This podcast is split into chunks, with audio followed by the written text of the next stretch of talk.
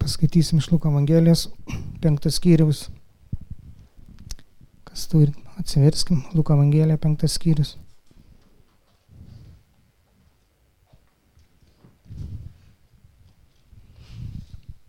Nuo pirmos eilutės.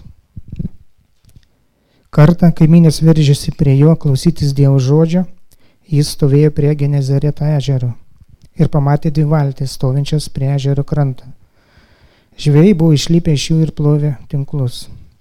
Įlipęs į vieną valtį, kuri buvo Simono, jis paprašė turbūt atsistumti nuo kranto ir atsisėdęs mokė minės iš valties. Baigęs kalbėti, jis tarė Simonui, irkis į gilumą ir išmeskite tinklus valksmui. Simonas jam atsakė, mokytojų, visą naktį vargę mes nieko nesugavome, bet dėl tavo žodžio užmesi tinklą. Tai padarė, jie užgarbė didelę daugybę žuvų, kad net jų tinklas pradėjo trukinėti. Jie pamojo savo bendrininkams, buvusiems kitoje valtyje, atplaukti į pagalbą. Tie atplaukė ir pripildė žuvų abi valtis, kad jos beveik skenda. Tai matydamas, Simonas Petras puolė Jėzui po kojų, sakydamas, pasitrauk nuo manęs viešpatė, nes aš nusidėjėlis. Maty ir visus draugus apėmė nuostaba dėl to valksmo žuvų, kurias jie sugavo. Taip pat Zebedėjų sūnus Jokūba ir Jona, kurie buvo bet Petro bendrai. O Jėzus tarė Simonui, nebijok, nuo šiol žmonės žvėjosi. Išvilkę į krantą valtis, jie viską paliko ir nusikė paskui jį. Tai buvo Dievo žodis.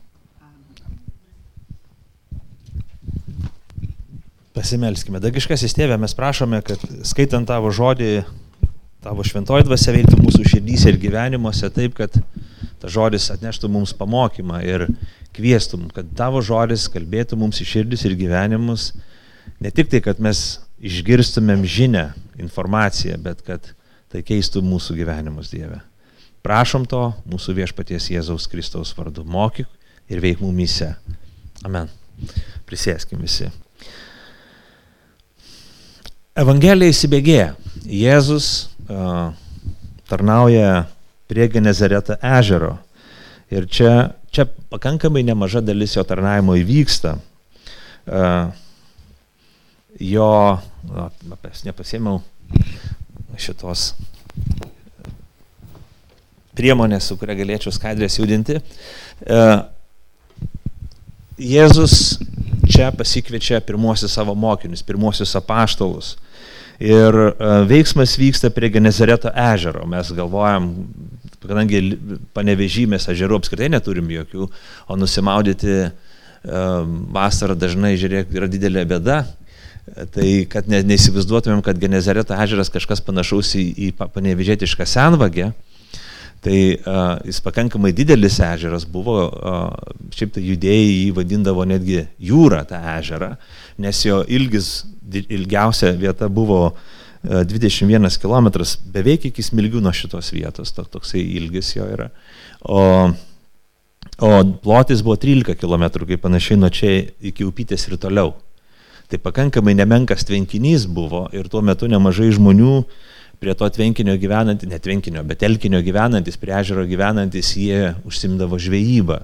Tai buvo įprastas dalykas. Žmonės valgė ne tik tai, ką užaugino, bet ir tai, ką pagaudavo. Tai žvej, žvej, žvejyba buvo amatas pakankamai paplitęs Galilėjos uh, žemėse ir, ir, ir vietoviai, ten, kur žmonės gyveno prie, prie, uh, uh, prie, prie to ežero. Ir Taigi Lukas aprašo labai įprastą tokį dalyką, sako, kartą, kai minios veržėsi prie jo klausytis Dievo žodžio, jis stovėjo prie ežero. Ir pamatė dvi valtės stovinčias prie ežero. Žvėjai buvo išlipę iš jų ir plovė tinklus. Taigi įprastas vaizdas, sakykime taip. Ne? Žvėjai, toks įdomus dalykas, kad žvėjai e, ežero gilumoje žvėjodavo naktį, jeigu dieną, kai žvėjodavo, tai žvėjodavo negiliuose vandenyse. Tai naktį jie žvejodavo giliuose vandenyse ežero, o dieną pasiruoždavo tą tai žvejybai, parduodavo, ką pagaudavo ir laukdavo kitos nakties, kad žvejotų. Taigi po naktinės žvejybos jie ruošia tinklus, yra dvi valtis, Jėzus pamokslauja. Ir um, toks vyksta, nu, kiek netikėtas dalykas, neįprastas veiksmas. Jėzus um, tre, trečia eilutė, atsiprašau, sako, įlipęs į vieną valtį, kuri buvo su uh, Simono, jis paprašė truputį atsistumti nuo kranto ir atsisėdęs uh, mokė minės iš valties. Aš niekaip negaliu suprasti, tiek metų skaitau šventą raštą, aš nežinau, kaip patogu kalbėti prie ežero, prie vandens telkinio. Taip, jeigu tai senvagė, tai jokio, jokio skirtumo. Ten tiesiog vanduo ne, nėra jokių bangų. Jeigu Baltijos jūra, kai būna ramu kaip ežeras, irgi gali pamokslauti, bet jeigu nors kiek daugiau bangų, tai vanduo paprastai trikdo. Taip, jeigu susirinkę gausios minios, mes skaitome Evangelijose skirtingose vietose, kad Jėzų sekdavo tūkstančiai žmonių, mes nežinom, kiek šitoje minioje buvo žmonių, tuomet be abejo, jeigu ežeras ramus, tai yra pakankamai nebloga uh, strategija būti prie vandens, nes vanduo labai gerai perneša garsą ir, ir patogu. Jėzus sako, aš atsitrauksiu, gal kažkokia lankėlė buvo, kalbėsiu iš valties. Taigi, a, toks labai netradicinis dalykas, aš niekad nemačiau, pats to niekad nebandžiau, kad pamokslą sakyti, pavyzdžiui, nuo kokio sunkvežimio kapoto. Arba užlipti ant kombainą ir sakyti, dabar aš užlipsiu ant kombainą ir pamokslausiu. E, jums Dievo žodį, žmonėms, kurie susirinko aplinkui. Aš skatinčiau to nedaryti, nes gali turėti problemų su teisės sauga. E, kai būsit, nežinau, Nidoj, Monakė, Miami ar kažkur kitur, pamatysit valtis prabangės, nelipkite, sakykit, aš čia noriu papamok savo Dievo žodį. Biblijai skaičiau, mm, gali netaip gerai pasibaigti kaip šitos istorijos pabaigoje.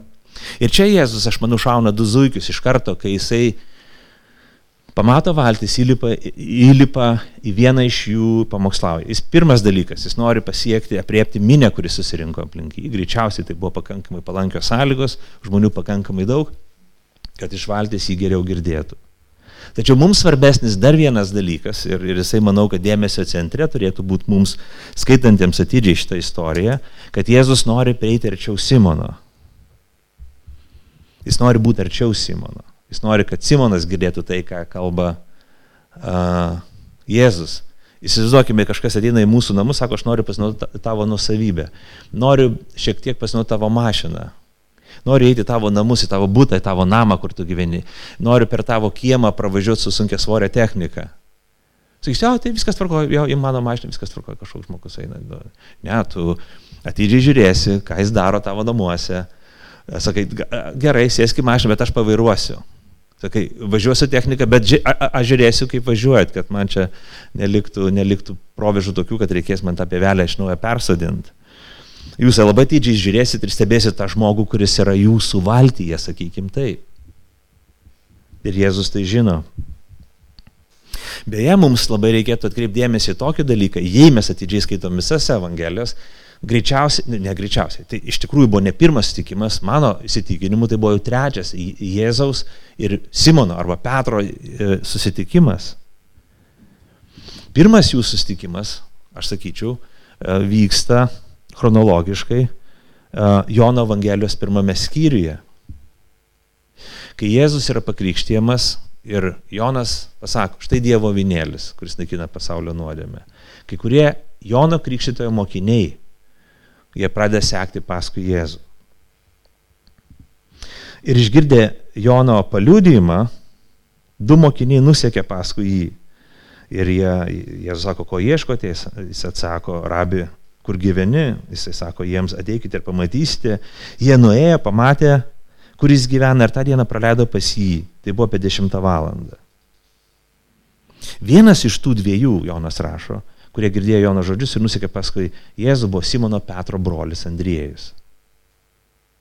Taigi Simono Petro brolis jau buvo praleidęs dieną su Jėzumi. Jis buvo Jono krikštė mokinys, jisai pamatęs, kad jie, Jonas liūdė apie Jėzų, nusikė, buvo su Jėzumi, papasakoja savo broliui, klausykim toliau. Jis pirmiausia susieškojo savo brolį Simoną ir jam pranešė, radome Mesiją.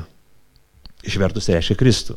Ir nusivedė jį pas Jėzų. Jėzus pažvelgė į jį ir tarė, tu esi Simonas, Jonas sunus, o vadinsiesi Kefas, tai reiškia akmuo. Taigi aš manau, kad tai buvo pirmas Petro arba Simono susitikimas su Jėzumi.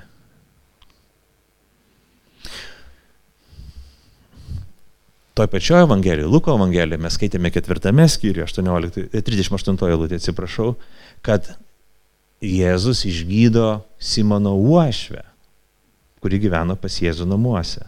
Iš sinagogos 38 eilutė sako, Jėzus atėjo į Simono namus, Simono uošvė labai karšiavo ir jie prašė ją pagalbos, atsistojęs prie jos galvų galio, jis sudraudė karšlygį ir to įdingo.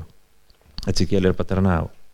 Taigi žiūrėkim, pirmas dalykas, vyksta tokia istorija, kad su Jėzumi Simonas supažindina jo brolis Andriejus. Po kurio laiko Simono uošvė susirga ir jie pasikviečia į Simono namus, kad Jėzus pagydytų tą uošvę. Ir dabar turim jau trečią sustikimą, jau trečią seriją. Kiek mums žinoma iš švento rašto, gal jų buvo daugiau, mes nežinom, bet kiek turim iš, iš, iš švento rašto, kad tai yra trečias Jėzaus ir Petro susitikimas. Taigi nėra taip, kad Jėzus pamato pirmą pasitaikiusi žmogų, lipa pas jį valti ir šneka belenką. Ne, jie jau žinojo vienas kitą, jie jau pažino, jie jau turėjo istoriją. Tai buvo istorijos tesinys, jie jau buvo susilietę. Jau Petra, e, Jėzus buvo Petrą asmeniškai kreipęsis, jau e, Petro ir namiškių kreipimusi jie visi buvo, jie kvietė Jėzų į savo, į savo, į savo namus, kad išgydytų karščiuojančią uošvienę. Ir Jėzus įžengė jau žinomo žmogaus valtį. Tai yra santykių pratesimas. Jėzus pažįsta Petrą. Petras pažįsta Jėzų. Ir kaip Jėzus prašo, ar, ar galiu žengti tą valį, ar galiu atsirti. Petras leidžia, Petras žino, kas jis toks. Ir įdomu tai, kad Jėzus pamokslauja, e, pamokslauja sako Dievo žodį. Čia įdomus dalykas. E, kaip aš ir minėjau, kažkas eina pas jūs į namus ir, ir kažką daro ir jūs atidžiai klausot, kas čia vyksta. E, aš nežinau, ar su kažkokiam cheminėm priemonėm plaudavo tos tinklus, ar kokiu ten būdu plauna tinklus klaus ir klauso, ką pamokslauja Jėzus, nes Jėzus turėjo garsiai pamokslauti, kad vis, visus pasiektų. Žinot, yra pasakymas, arti tavęs žodis. Uh, šitas išsiriškimas Petro gyvenime, šitam jo gyvenimo epizodė buvo neįtikėtinai įtaigus ir neįtikėtinai, uh, nežinau, įkūnytas. Jėzus buvo Petro valtyje. Jėzus skelbė Dievo žodį ir Petras buvo veikiamas to mokymo. Nu, žiūrėkime, jisai pamokslauja, pamokslauja kažką labai minioms, kalba, sako pamokslus, kažkaip bendri principai, kažkokie dalykai ir taip toliau. Nu ir galiausias, ketvirtai lūtė sako, baigęs kalbėti, jis, Jėzus tarė Simonui, irkis į gilumą išmeskite tinklus valksmui. įdomus dalykas, žiūrėkit, mes, mes matom, kad ten yra trys vyrai, šiaip kitose evangelijose matom, kad šitame įvykė dalyvavo keturi vyrai. Tai Simonas, jo brolis Andriejus ir taip pat kitos valties savininkai arba administratoriai, žvėjai, kurie naudojasi tą valtimi, greičiausiai ten tėvo valtis, o gal ten tų brolių buvo Jokūbas ir Jonas, iš to istoriją paminėti. Bet greičiausiai Petras buvo tas, kuris vadovavo. Kaip mes žinom, paskui iš Evangelijos Petras buvo vadovas iš prigimties lyderiaujantis žmogus. Jėzus kreipėsi į jį, sako, Simonai, irkis į gilumą, bet išmeskite tinklus valsmui, vis, kad nu, vadovau grupiai, padaryk darbą. Ir čia kyla keletą problemų. Mes, jeigu mes skaitom atidžiai šitą, šitą istoriją, tai Jėzus iš tikrųjų rizikuoja. Bent trys dalykai kliūna. Žiūrėkit, Jėzus yra mokytojas ir jis yra dailydė. O žvėjai yra žvėjai. Tikrai Jėzus lenda į savo lauką, ar tikrai jam reikėtų aiškinti žvėjam, kaip reikia žvėjoti. Žinot, kai tu vairuoji automobilį ir atsiranda kažkas mašinai, kuris žino geriau, kaip tai daryti. Tada tu nori greit paspausti stabdžius ir pasiūlyti tam žmogui gal kažkokią pakeleivinę mašiną sustabdyti ir kitoje sėdėti ir aiškinti. Bet jis labai dirgina. Aišku, šiandieniniai žmonės, kadangi mes turim Google, mes viską išsiaiškinam ir visų dalykų specialistai esame, ne? mes viską išsiaiškinam, pasižiūrim YouTube ir viską žinom, viską mokam. Aš žinau net vieną žmogų, kuris, būdamas gydytojas, YouTube pasižiūrėjo, ryžosi tvarkyti dantis kitiems, nes jis tiesiog YouTube pasižiūrėjo, kaip tai galima daryti. Neįtikėtinas dalykas. Bet paprastai tą vietą, kuris per YouTube išmoko tvarkyti kažką, plitelės, kliuot kažką panašiai, bet didesnės patirties, jūs svečiam, kurie ateina, nerodo tos vietos, nes jinai parodo, kad jūsų kompetencijos nėra labai, ge, labai geros. Paprastai nenorėtumėt gydytis ar operuotis pa žmogų, kuris per YouTube tai išmoko daryti. Uh, čia žinot, kai aš vieną kartą atsimenu, kai uh, turėjau ar, ar naujas buvo telefonas, ar jau kurį laiką padėvėtas ir stikliukas gal susiraidžęs buvo, kitą klijuoja antrą stikliuką. Nežinau, kaip telefonus pagamina tokius, kad jie uh, nusipirkė telefoną, bet dar reikia prisipirkti visokių dalykų, kad jie nesuduštų. Kam juos taip sukuria, kad juos visą reikia apklijuoti iš vienos pusės, apdengti iš kitos pusės. Tik padarykite taip, kad neduštų. Na, nu, žodžiu, tai man uh, nuėjau į, į, į saloną, kad užkliuotų lipduką, tą stiklą, antrą vadinamą, kad jisai nukritęs telefonas man netyčia nesuduštų. Ir aš galvoju, nu, va, salon, ten brangu, brangiai kainuoja kelis kartus brangiau negu paprastoje parduotuvėje, bet galvoju, jie duoda garantiją ir taip toliau, jas pakeičia, aš tą žinojau. Ir galvoju, pažiūrėsiu, nu kaip jūs vyrai va, susitvarkot su to užduotim. Ir toks jaunas vyrukas dėlioja, dėlioja tą ir taip jisai taip biškai nervinasi, sako, gal galit, na, pasižiūrėti, va, ten prekių dar mūsų kažko ar panašiai. Sakau, biškai nervinas, sako, aha, sako šiek tiek kai kažkas ateidį stebi, aiškina, žiūri ir galvoja, aha, susi, susi, susimausi ar ne. Taigi, aš jau minėjau, žiūrėkime, aš jau minėjau, antras dalykas, aš minėjau, kad, uh, kad dieną niekas gilumoje nežvejodavo.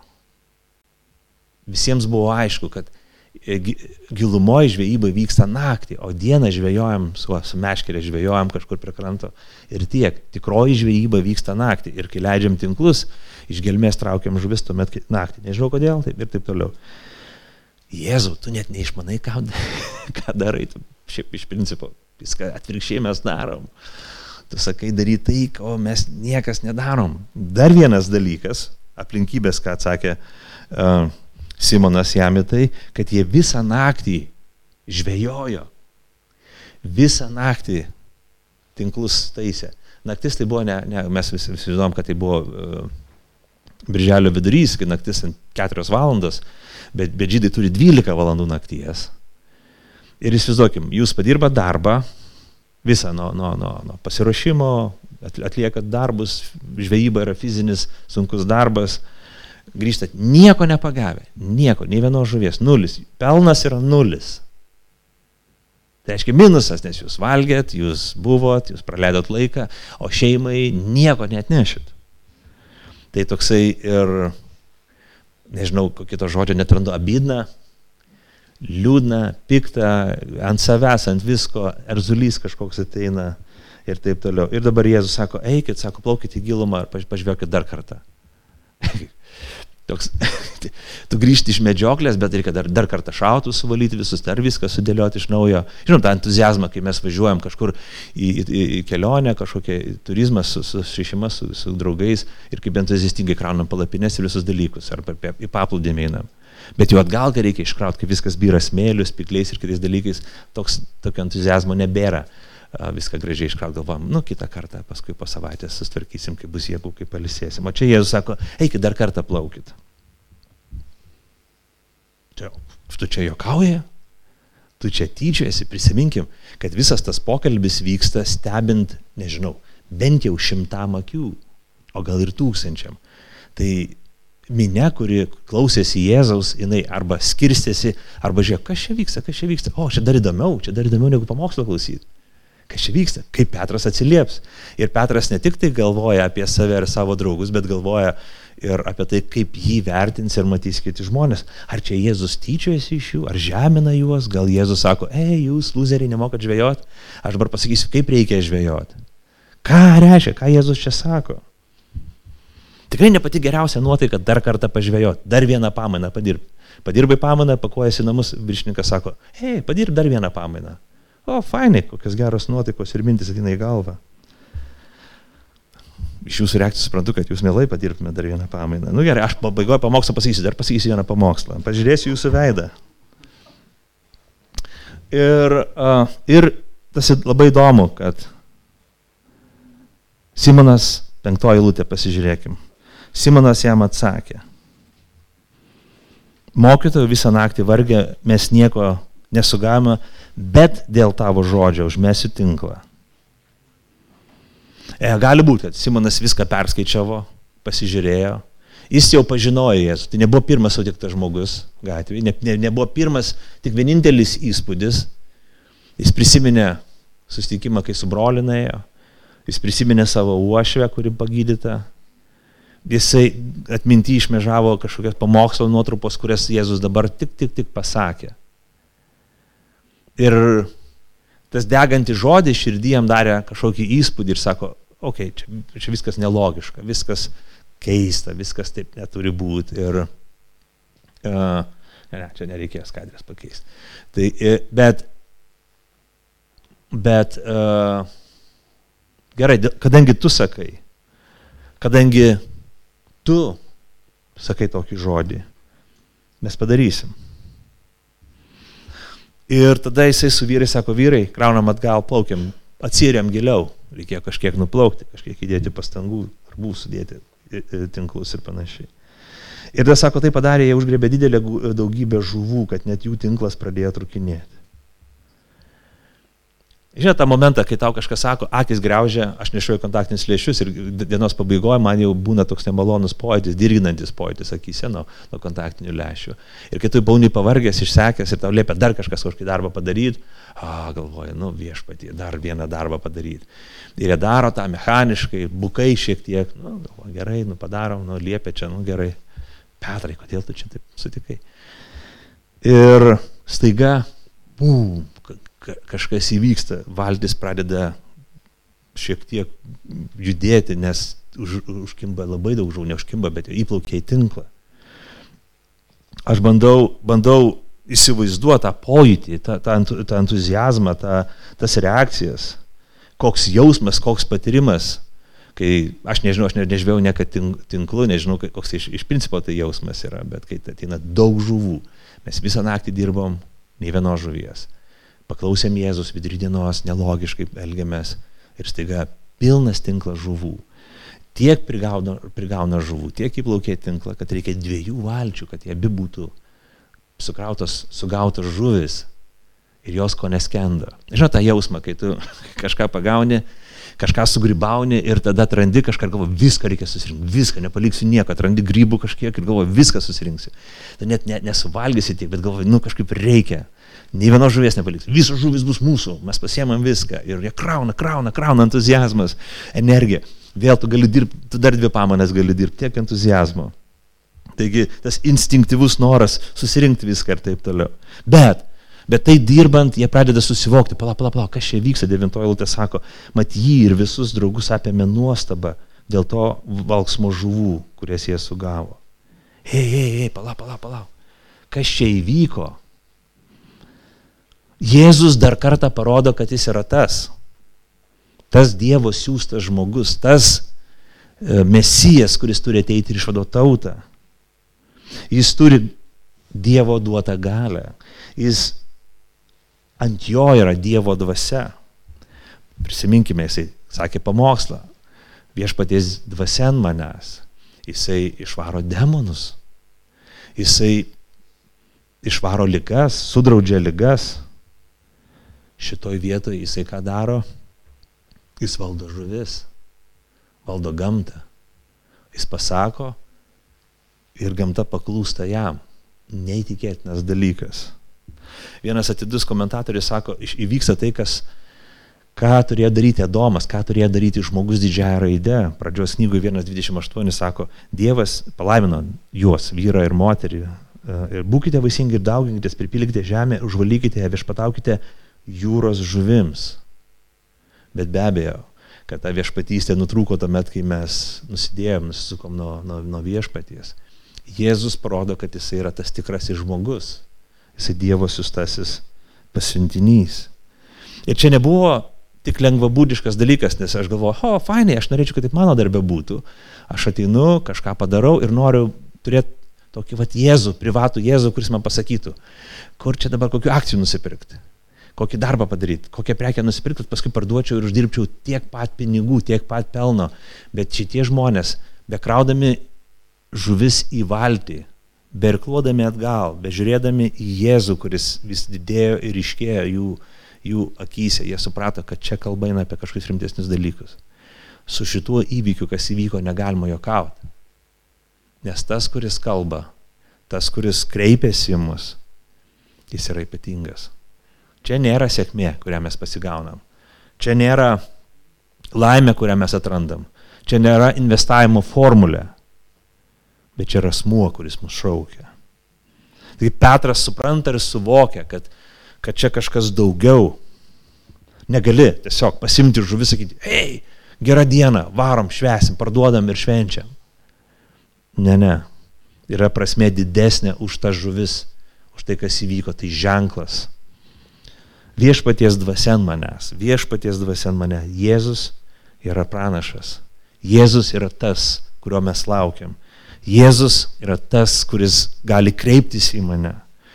Ir prisimenam, Jėzus kalbėjo, praeitame skyriuje, ketvirtame skyriuje, jis kalba du palyginimus, dar savo gimtajame mieste, arba, sakykime, mieste, kuriame augo Nazarete, jis kalbėjo apie pranašus e- Eli, Eliją ir Eliziejų.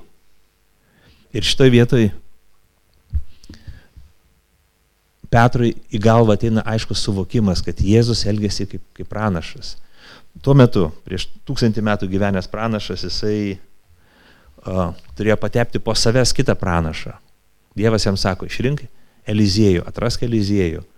Tai yra, jis bus tavo tarnas, bet kai tu mirsi, jisai užims pranašo vietą. Taigi jie nebuvo susitikę. Elijas, Elijus eina ir... Elijas ar Elijus? Biblijai prašyta, dabar mes sumaišom. Elijas. Elijas eina, pamato Eliziejų, o jisai arė, arė lauką su 12 jungų jaučių, buvo turtingas, stiprus ūkininkas. Ir Elis nusima šavo švarką, apsiaustą, užmetant Eliziejaus. Ir Eliziejus supranta, tai reiškia pranašo pašaukimą. Jisai nukinko jaučius, iš, iš tų visų pakinktų padaro laužą, jisai paukoja jaučius ir sako, viskas, aš einu tarnauju Dievui, aš seku paskui pranašą. Ir jisai tampa vienas iš tų žymiųjų pranašų, kurie, kurie yra Seno testamento pranašai. Jisai atsiliepia į pašaukimą iš karto, palikdamas savo pragyvenimą, palikdamas savo sėkmingą ūkininko gyvenimo garantuotą sėkmės. Jisai sako, ne, aš, aš turiu sekti paskui pranašą. Ir Petras suvokia, kad čia yra kažkas labai rimto, kažkas labai stipraus jo gyvenime, kad Jėzus kreipėsi į jį, Jėzus jį šaukia. Čia istorija ne apie žuvis, ne apie sėkmę, ne apie finansinį klėstėjimą. Čia istorija apie tai, kad Jėzus kreipėsi į jo širdį ir klausė, ar seksi paskui mane. Įdomus daiktas, kad Jėzus nieko nekalba patys įvykiai kalba. Aš nežinau ir jūs nežinot, ką Jėzus pamokslavo. Bet, bet šventame rašte mes neskaitom jokio paaiškinimo Jėzaus. Ir netikėtina Petro malda, neįtikėtina keiščiausia malda, kurią mes skaitom šventajame rašte. E, Petras sako, pasitrauk nuo manęs viešpatė, nes aš nusidėlis. Petras kreipiasi į Jėzų ir labai keista malda. Ta malda neprimena nieko. Nieko, jokios psalmės neprimena, jokių, jokių kanoninių, nekanoninių maldų. Mes nemokam savo vaikų šitų maldų, sakom, pasimokykime vaikelį maldą, pastrauk nuo manęs viešpatė, nes aš nusidė. Nemokam tokių maldų vaikų. Nei intelektuali, nei poetiška, nei bažnytinė, nei kažkoks katalikiškas ar evangeliškas poteris. Kažkas tokio išsprūsta Petrui iš lūpų, iš širdies ir jisai sako, pasitrauk nuo manęs. Ir iš kitos pusės, jeigu mes atidžiai skaitom ir galvojam apie tai, ką tas tekstas reiškia, jis primena daugelį Seno testamento istorijų, kai Dievo žmonės gyveno gyvenimą, tarnavo, užsėmė būtim ir Dievas įsiveržė jų gyvenimą. Ir jie susitiko su Dievu. Adomas po nuopolio, jis išsigando Dievo. Gideonas jį apėmė baimę, kai Dievas jį kreipėsi, kai jisai pasislėpęs darė tai, ką draudė okupantai. Pranašas Izaijas karališkų namų, kilmingas ir labai išsilavinęs žmogus, regėjome išvystą Dievą ir jis išsigasta ir sako, vargas man, nes aš pamačiau Dievą. Įtakingas, stiprus, valingas pranašas Jeremijas, išvykęs Dievą, regėjime matydamas jį, jisai sako, aš nemoku kalbėti ir neturiu žodžių. Visi žmonės, didieji herojai reaguodavo lygiai taip pat. Pasitrauk nuo manęs. Petras sako, aš esu nusidėlis. Aš sutinku su tais autoriais, kurie sako, kad Petras nebuvo didesnis nusidėlis už tave ir mane. Jis nebuvo kažkoks tai blogas, ypatingas žmogus, ypatingai blogas žmogus. Jis buvo paprastas vyras, neišsilavinęs, amatininkas, energingas, turintis lyderio savybių žmogus. Tačiau Dievo akivaizdo išryškėja visos mūsų nuodėmės. Kai mes artėjame prie Dievo, tarytum artėtumėm į šviesą, kur visos dėmes visos šitos ryškiai pradeda matytis. Pavyzdžiui, kai jūs galvojat, ypatingai savo vaikam, kad jūs esat labai protingi, atrodot savo vaikam, kad labai protingi, kol jie dar yra darželėje. Kai pradėti mokyklą, taip nebebūna jau, o kai jau kažkur dar labiau studijuoja, tai jiems tada iš viso būna iššūkis mąstyti, kad jūs galvojat, ką nors. Ačiū biškiai, ką. Bet mes galvom, kad esame pakankamai protingi, kai žiūrim vedridį ypatingai ir, ir, ir, ir savo namuose kol ne, ne, nes, nesutinkam tikrai išsilavinusių ir labai protingų žmonių. Ir kai būnam jų akivaizdai, mes suprantam, kad mūsų apsiskaitimas iš viso yra beraštystė. Mūsų dalykų išmanimas iš viso yra neišmanimas, lyginant su tuo, kaip tie žmonės išmano dalykus. Būnant atletiškų žmonių akivaizdoj, tu supranti, kad esi koks senas vytintas kumbis arba e, lašinių paltis, nes tu atrodo, o, jergau, žiek, žmogus vyresnis už mane ir gali taip ir atrodo šitaip, neįtikėtina. Ir supranti, kad, ai, pabūsiu su švarku, ne, nusirengsiu švarku. Nes tu supranti, kad tai neįtikėtinas pranašumas, supranti, wow, aš, o aš galvoju, kad aš dar nieko virukas. Lygiai ir dar labiau, kai mes susitinkam su šviesa, su tiesa, su šventumu, su tuo, kas yra priežastis visko, su tuo, kas yra Dievas, su tuo, kas yra amžinas, su tuo, kas yra pats šventumas. Vienintelis teisingas suvokimas, koks gali ateiti susitikus Dievą, suvokimas aš esu nusidėlis. Viskas. Aš esu beviltiškas. Man reikia pasigailėjimo. Aš negaliu ištverti šito patyrimo. Ir čia žiūrėkime, aš pabrėšiu labai svarbų dalyką. Tai nėra tik tai laikina, tamsi tokia negatyvi mintis atėjusi į galvą. Pesimizmas toksai. Kažkoks, o tie krikščionės tokio pesimizmo turi. Ne. Kaip tik tai yra tikras praregėjimas ir realybės pamatymas. To išviesoje mes pamatom, kas yra kas, mes pamatom tikrovę ir realybę, kokie baisi nuodėmė esanti mumyse.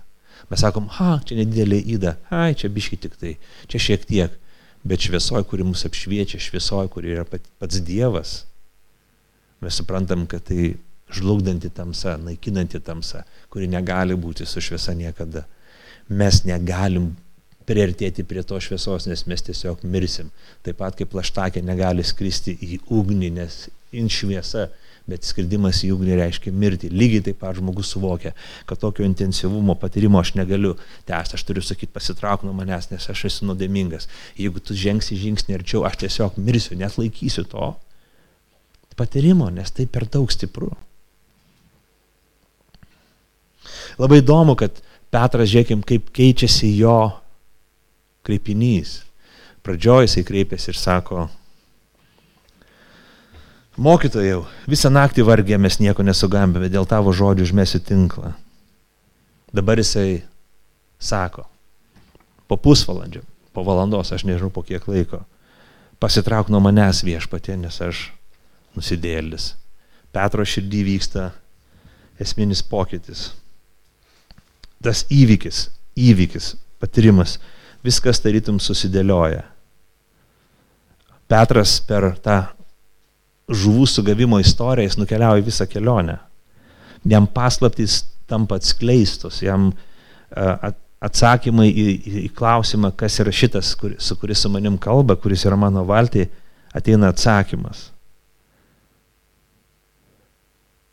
Jis yra tas.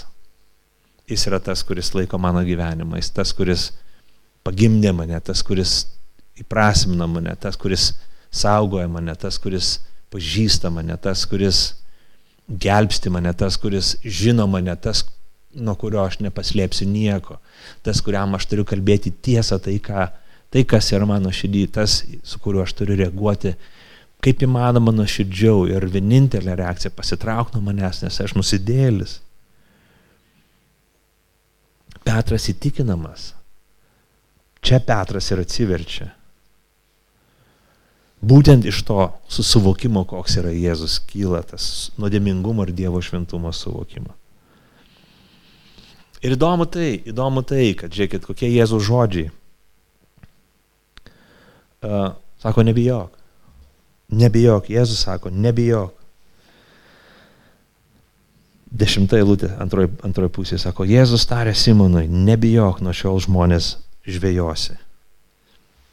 Dievas šaukia ir kreipiasi į savo žmonės. Dievas šaukia mus, šaukia pas save. Bet visą laiką gyvenimui su Dievu, tarnystė jam, reikia jo drąsinimo ar palaikymo. Nes mes esam beviltiški ir negalim to dalyko daryti. Taip gyventi ir taip elgtis. Mes turim būti priimti, turi būti mums atleista, turi būti, mes turim būti perkeisti ir palaikomi nuolat, kad mes galėtumėm būti su juo ir kad galėtumėm jam tarnauti. Mums neįmanoma savo jėgom būti Dievo tarnais. Nebijok, viskas viešpaties rankose, nebijok, nes sielos išgelbėjimas, nuodėmio atleidimas, žmogaus atpirkimas yra viešpaties, o ne žmogaus darbas. Nebijok, nes tas, kuris šaukia, jis viską pradėjo ir viską pabaigs. Nebijok, tau reikia tik apsispręsti ir žingsniuoti paskui Jėzų. Ir Petras kviečiamas tokiam keistam užsiemimui, sako, nuo šiol žmonės žvejosi bandau įsivaizduoti, kaip tai atrodytų.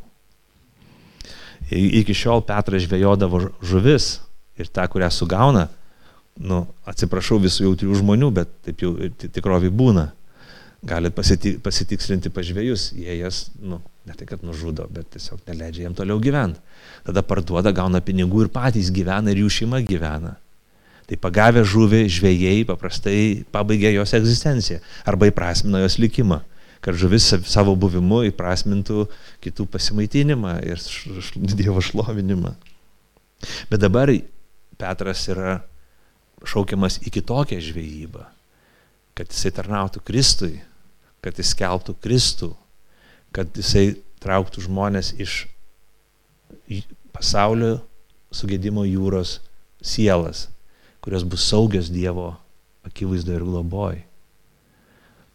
Dabar Petras yra kviečiamas skelbiant Evangeliją, skelbiant Kristų, ištraukti iš pražūties sielas ir saugiai pristatyti Dievo akivaizdon, jo globai, jo amžinam rūpešiui. Viskas pasikeičia jo gyvenime. Petro gyvenime viskas pasikeičia. Viskas. Ir kaip sureaguoja Petras ir jo bendrai palieka viską.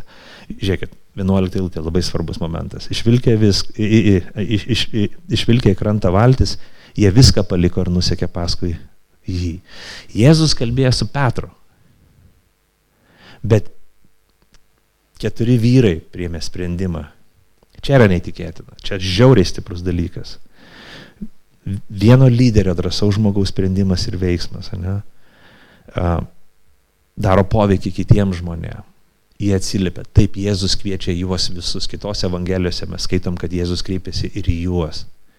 Jėzus šaukia žmonės ir jie atsiliepia į tą kvietimą. Petras paliko amatą.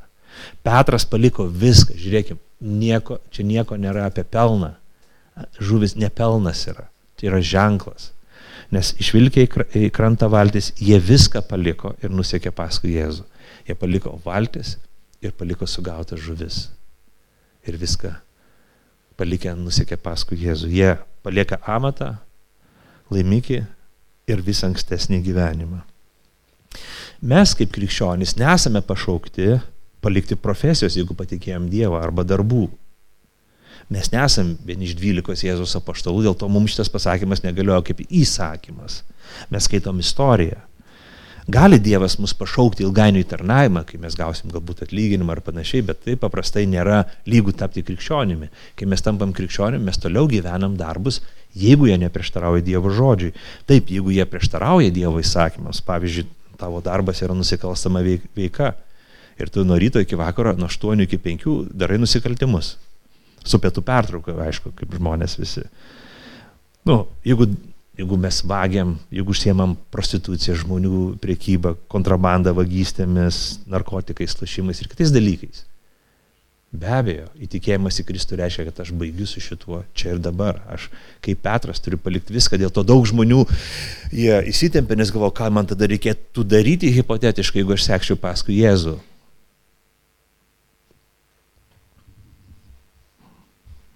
Bet visi mes kurie turim, sakykime, normalius darbus, mes esam pašaukti toliau dirbti tos darbus.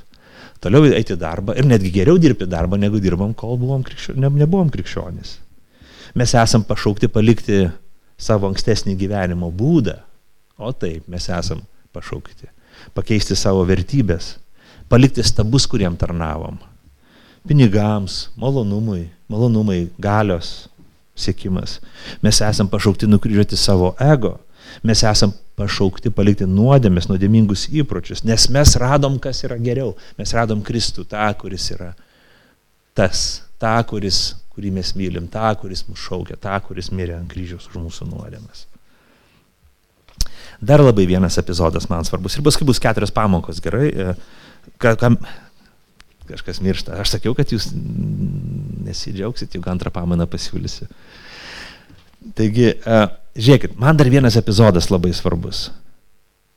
Tai, kad uh, Petras nusekė paskui Jėzų ir jie, jo draugai nusekė paskui Jėzų. Brolystės aspektas.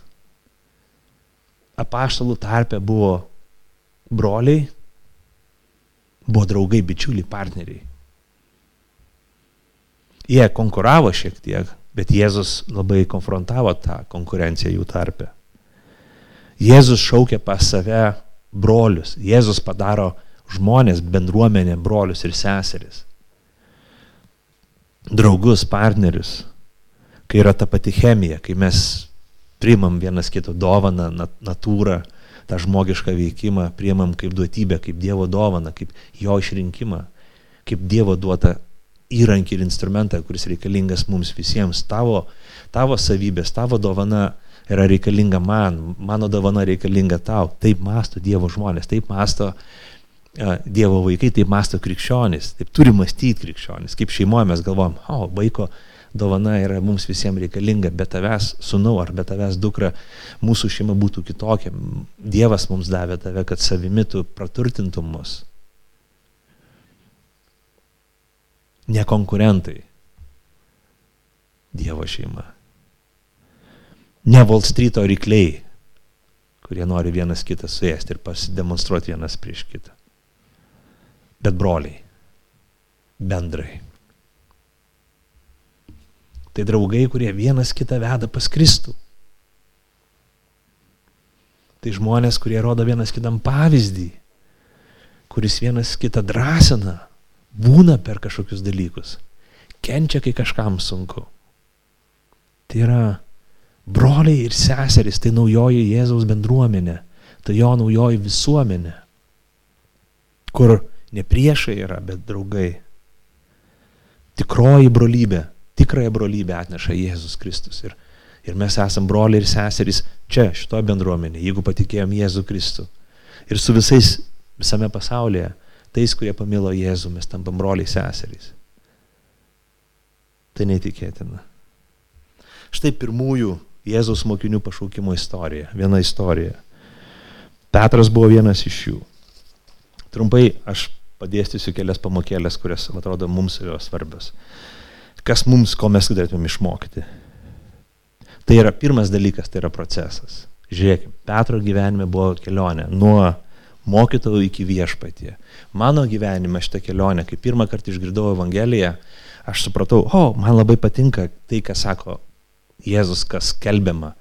Man patiko jis kaip mokytas, kaip draugas, kaip vyresnis brolis, kaip tėvas gal.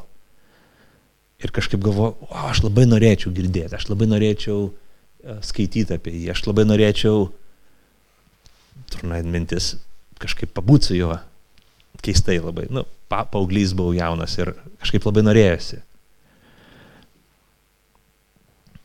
Bet praėjo 3,5 metų, kol aš suvokiau, kad tamsa esanti man yra labai baisi tamsa.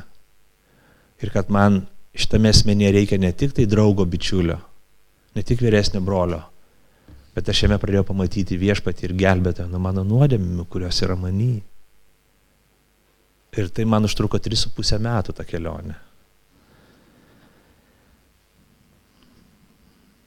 Tai procesas, žiūrėkit, mūsų gyvenime tai procesas. Mūsų vaikų gyvenime tai procesas. Mūsų draugų, bendradarbių, žmonių, kurie išgirsta apie Jėzų, kurie pirmą kartą susiduria su Evangelija, jie turi susivokti, suprasti, kas jis toks yra, ką jis nori jiems pasakyti, ką, ką tai reiškia. Ir mes, kurie mylim Kristų, turim kantriai su tai žmonėm į tą kelionę. Jėzus kūrė ryšį su Simonu. Žiūrėkim, priėmė jį, kai brolis Andrėjus atsivedė, tarnavo jau uošviai, kai jinai sirgo, lipo į Petro valtį po žvejybos. Pats Jėzus atėjo pas jį. Abiem atvejais Simonas ateidavo pas jį. Šiuo atveju jisai ėjo į jo gyvenimą. Krikščioniška misija nėra anoniminė misija. Nėra kalbėjimas miniai. Man tai neprimtina, man tai nepatinka ne, tai nėra mūsų bažnyčios vertybė kalbėti miniai kažkokiem žmonėm nepažįstamim. Atėjau, pakalbėjau ir man zin nerūpi tie žmonės. Taip galima daryti. Mes kartais taip darom, kai kurie taip visą laiką daro, bet aš manau, kad tai neteisinga. Krikščioniška bendruomenė turi kurti ryšį santykiai, krikščionis turi ryšį, kurti ryšį. Aš tarnauju broliam, aš tarnauju sesam. Mes esam pašaukti pažinti tuos, kuriems tarnaujam. Visus žmonės, pažinti juos pažinti jų gyvenimus, kaip pažįsti savo brolį, sesę, savo biologiniai šeimoje, taip mes pašaukti pažinti tų žmonės. Ar vaikų dienos centruose tarnaujam, nakvynės namuose, kalėjime, kur, kur jūs tarnaujat. Viešpats rodo mums pavyzdį. Hei, kaip kad aš turėjau tą troškimą ir siekį turėti bendrystę ir ryšį. Taip, taip mes turėtume mokytis iš jo o, klausykit, kas čia dabar, aš prasukinėjau visas jau skaidrės iš, iš, iš eilės, kažką jūs man čia pridarėt jau. Arba ne tą pusę paspaudžiau, nežinau. Pašaukimas, ne, ne, ne, ne pašaukimas dar, visgi, dar draugai, draugai, sorry. Pris, prisiminkim tą trumpą mintį, trumpą mintį, trumpai čia labai trumpai. Mes esam pašaukti būti draugais, esam pašaukti būti broliais. Mes ne konkurentai.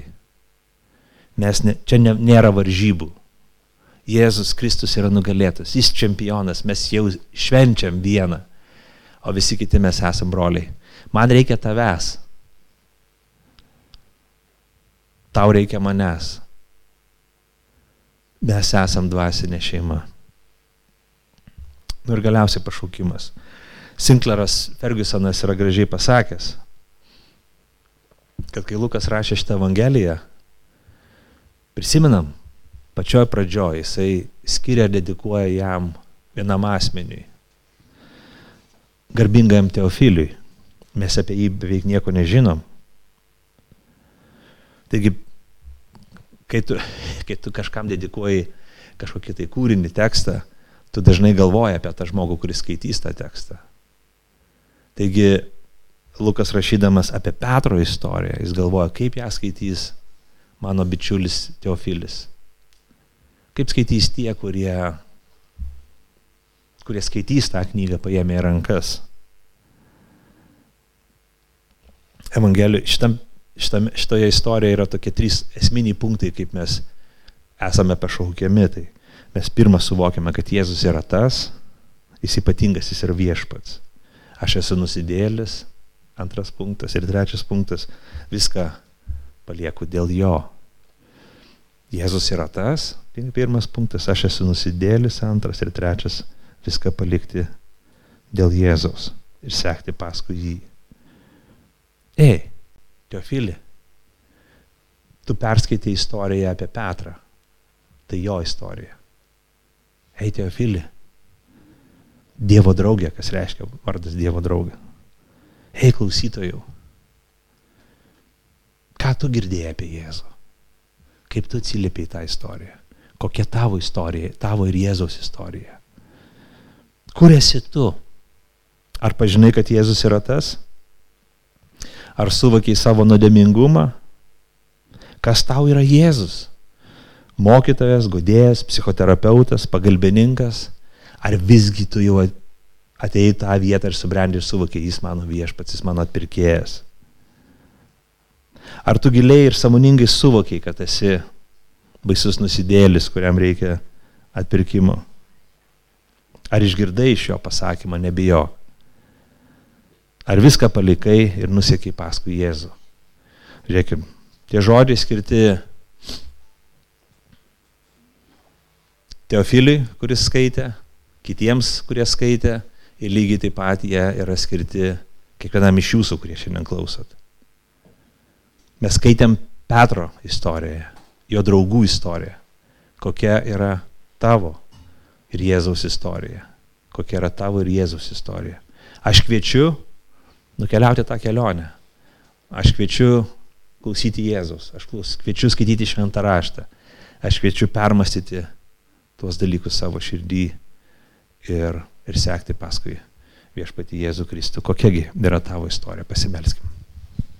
Dangiškasis tėve, aš meldžiu Dievę, kad tas žodis, kurį mes šiandien klausėm ir skaitėm, kad jisai pasitarnautų čia esantiem visiems žmonėm, mano broliam ir sesėm. Meldžiu, kad tie, kurie jau atsakė į klausimą, kas yra Jėzus, kad jie dar labiau sustiprėtų. Meldžiu už tuos, kurie pašventė savo gyvenimą Kristui naujai ir vėl iš naujo pasišvestų tau. Meldžiu už tuos, kurie turi daug klausimų, kad atsakytum jų klausimus. Meldžiu, kad tuos, kurie dar niekad kažkaip širdį neišgirdo Jėzau tavo kvietimo ir tavo šaukimo, tavo žodžių, kad jie išgirstų ir suprastų, kad tu tai kalbi ir tinkamai atsakytų, kaip Petras. Tebūnė bus Petras mums pavyzdys ir įkvėpimas. Meldžiu Dievę, kad kiekvieno iš mūsų gyvenime ir širdį vyktų tavo darbas, tavo garbė ir šloviai. Amen.